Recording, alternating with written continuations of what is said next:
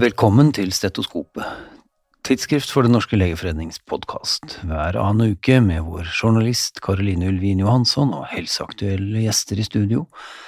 Og hver annen uke Redaktørens hjørne, der jeg, Are Brean, sjefredaktør i tidsskriftet, gir deg en høyst subjektiv gjennomgang av de nyeste forskningsartiklene, sakene og debattene i de største internasjonale generellmedisinske tidsskriftene.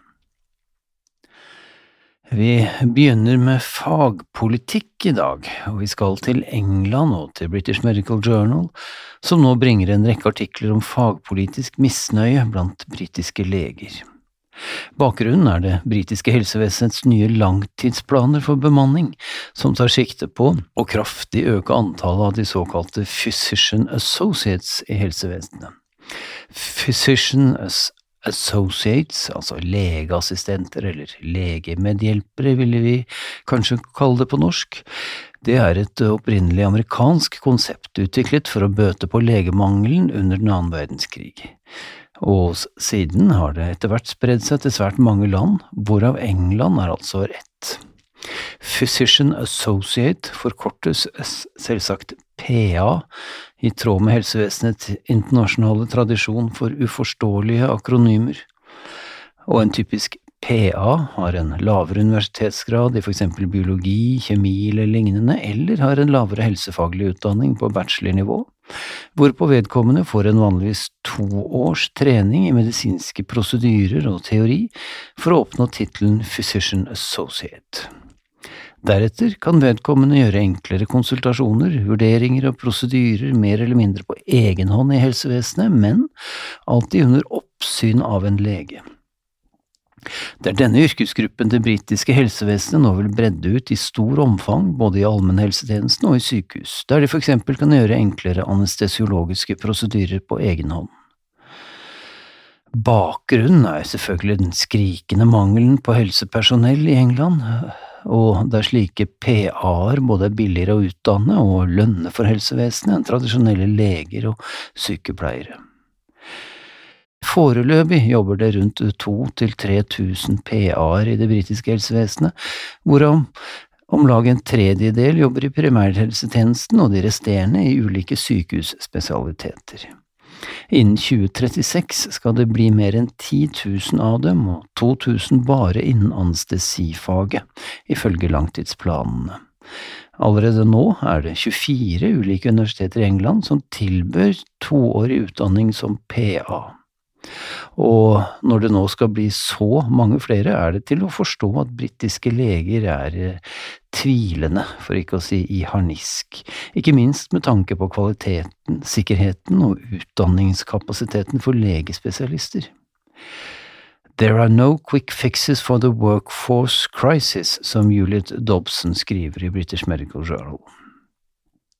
I England har særlig en ganske nylig sak vakt oppsikt, og det er saken om 30 år gamle Emily Chesterton, som døde etter at en PA hadde hatt to konsultasjoner med henne, uten å oppdage hennes dype venetrombose og senere lungeemboli, og uten å konsultere legen på det aktuelle legekontoret. Det har også vist seg at pasienten i dette tilfellet ikke var klar over og ikke hadde blitt opplyst om at vedkommende ikke var lege, men PA. Det er kanskje ikke så rart.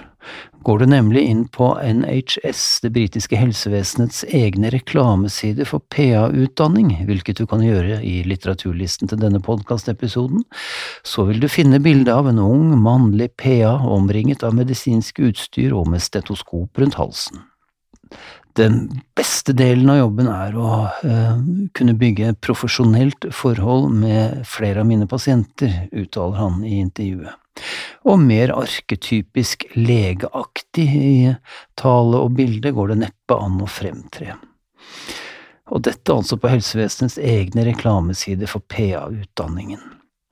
Mye av problemene med denne nye og i England fremvoksende yrkesgruppen ser ut til å være knyttet til manglende klarhet i kravene til tilsyn og veiledning, og manglende klarhet i rolle og ansvar. Alt dette skal på plass, ifølge myndighetenes plan, allerede i 2024, for da skal PA-er nemlig inn i det nasjonale helsepersonellregisteret. Kanskje vil den nye profesjonen finne sin naturlige plass etter hvert og komplettere eksisterende lege- og sykepleierstillinger, hvem vet, men eh, foreløpig sliter engelske leger både med at den begrensede kapasiteten til supervisjon og veiledning mer og mer går til PA-er istedenfor til leger i utdanning, og de sliter med at unge leger ikke får den prosedyretrening de trenger i sitt utdanningsløp, og med at PA-stillinger i økende grad fortrenger utdanningsstillinger for leger. Følg nøye med. Kanskje kommer det snart en PA på ditt sykehus også, bare ikke tips ditt regionale helseforetak, eller helseministeren for den del, om muligheten for å spare noen kroner på å ansette rimelige pseudoleger i stedet for LIS-leger. Vi skal ha mer fagpolitikk i dag, og det skal handle om den relativt nye rollen allmennsykepleier i helsevesenet.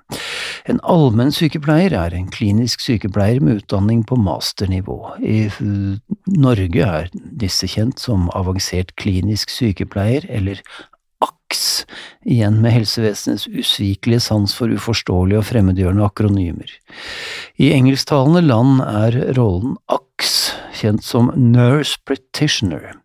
Flere og flere stater i USA lar nå slike nurse practitioners forskrive medikamenter. Dette har vært stort motstand mot, blant annet på grunn av faren for feilforskrivinger. En originalartikkel nylig publisert i Annals of Internal Medicine har sett nærmere på om dette virkelig er et problem. Medikamentforskrivinger til eldre over 65 år i 29 ulike amerikanske stater ble undersøkt med tanke på andelen feilforskrivinger, definert som forskrivninger av medikamenter som er kontraindisert hos eldre. Nesten 25 000 allmennsykepleiere og 50 000 ulike leger hadde stått for forskrivningene. Alle hadde mer enn 100 årlige forskrivninger. Det var ingen forskjeller mellom yrkesgruppene i andel feilforskrivninger, men allmennsykepleierne var overrepresentert både i gruppen med svært mye og med svært lite feilforskrivninger. Forfatternes konklusjon er at det kan være mer effektivt for pasientsikkerheten å heve kompetansen til alle som forskriver, enn å begrense forskrivingsretten til bare leger.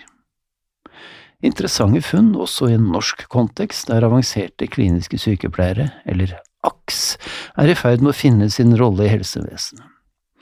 Kunne vi bare slutte med disse ko-ko akronymene som AKS og LIS, slik at pasientene skjønte hvem de hadde med å gjøre, hadde kanskje mye vært løst her også. Men nå får det være nok fagpolitikk, vi må ha litt bare fag. Det er vel og bra å behandle høyt blodtrykk for å redusere risikoen for hjerte-karsykdom og død. Men 10% av alle med hypertensjon har også ortostatisk hypotensjon, som i seg selv er en selvstendig risikofaktor for hjerte-karsykdom og død. Dette er på en måte skulda eller karybdis, altså, for hvor aggressivt bør man behandle hypertensive pasienter som også har hypotensjon i stående stilling? Det har en ny metaanalyse nylig publisert i Yama sett nærmere på. 29 000 pasienter fra ni ulike hypertensjonsstudier ble inkludert og analysert. Mer intensiv blodtrykksbehandling viste seg å senke risikoen for hjerte-karsykdom og død av alle årsaker, uavhengig av om pasientene hadde ortostatisk hypotensjon eller ikke. Den risikoreduserende effekten var like stor hos de som hadde ortostatisme som de som ikke hadde det, interessant nok. Med andre ord, der pasienten har ortostatisme, men ikke er plaget av den, ser det altså ut til at man slett ikke trenger å være redd for å senke blodtrykket i henhold til gjeldende retningslinjer. Tvert imot. Telemedisin, altså, legevurdering per telefon eller videolink, fikk et voldsomt oppsving under koronapandemien. Men hvor nytt nyttig og faglig god er det egentlig for pasientene med telemedisin sammenlignet med en gammeldags fysisk legekonsultasjon? Det har en retrospektiv studie fra USA undersøkt. Artikkelen er publisert i Annals of Internal Medicine. Elektroniske journaler fra over 2003 millioner legekonsultasjoner ble undersøkt med tanke på behandling og behovet for oppfølgingskonsultasjon innen en uke. Der første konsultasjon var over telefon, kom 7,6 av pasientene tilbake innen en uke. Der første konsultasjon var over video, kom 6,2 tilbake innen en uke, og ved fysisk første oppmøte kom bare 1,3% av pasientene tilbake innen en uke. Denne forskjellen var enda større når problemstillingen var akutt smerte. Og interessant nok var forskjellen minst når pasienten kom for et psykisk helseproblem. Video- og telefonkonsultasjoner ser altså ikke overraskende ut til å ha sine begrensninger. På den annen side, det har denne studien også, siden alvorlighetsgraden og symptomene ikke ble tatt med i analysen og oppfølgingstiden var bare en uke. Over til gynekologi, eller rettere sagt graviditet. At en kvinne går opp i vekt under graviditeten er selvsagt som det skal være, og hvor mye man går opp er like selvsagt individuelt. Tidligere har det blitt vist at kvinner som øker mye i vekt under graviditeten, har en større tendens til å beholde vektøkningen enn kvinner som går mindre opp i vekt. Men langtidskonsekvensene av uh, ulik mengde vektoppgang har vært ukjent. En langtidsstudie nylig publisert i The Lancet har sett nærmere på dette. Det var en prospektiv kohort av 46 000 kvinner som fødte barn mellom 1959 og 1965. De ble fulgt i noe over 50 år etter graviditeten. Studiens primærendepunkt var mortalitet av alle årsaker, med sekundærendepunktene kardiovaskulære sykdom og diabetes som underliggende dødsårsak. Og ja, vektoppgang under graviditeten har sammenheng med senere mortalitet. Hos de som var undervektige før graviditeten, var høy vektoppgang assosiert med økt kardiovaskulær død, men ikke med øvrig mortalitet. For de som var normalvektige eller overvektige før graviditeten, var høy vektoppgang assosiert med økt dødelighet av alle årsaker. Og for de med fedme før graviditeten var det ingen assosiasjon mellom høy vektoppgang og noen form for mortalitet. Lav vektoppgang var assosiert med redusert mortalitet av diabetes hos de normalvektige, men viste ingen assosiasjon med noen form av dødelighet hos de andre gruppene.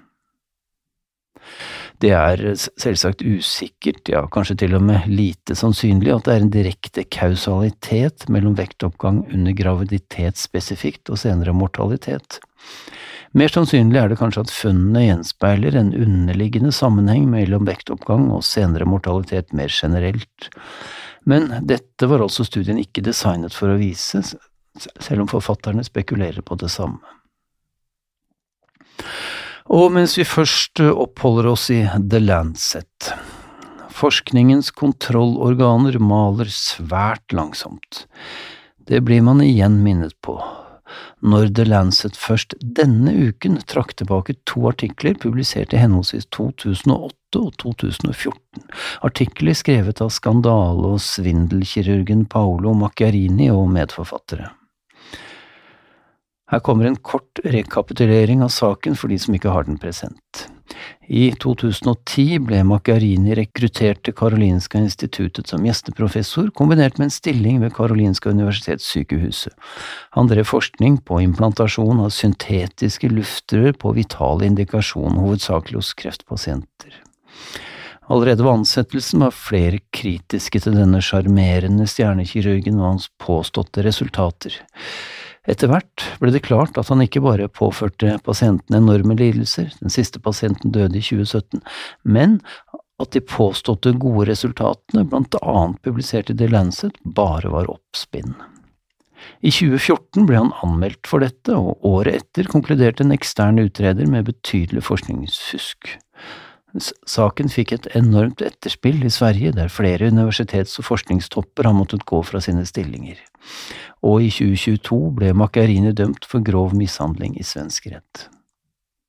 Og først nå, 15 år etter at den første bevist falske forskningsartikkelen ble publisert i The Lancet, trekker tidsskriftet dem endelig tilbake.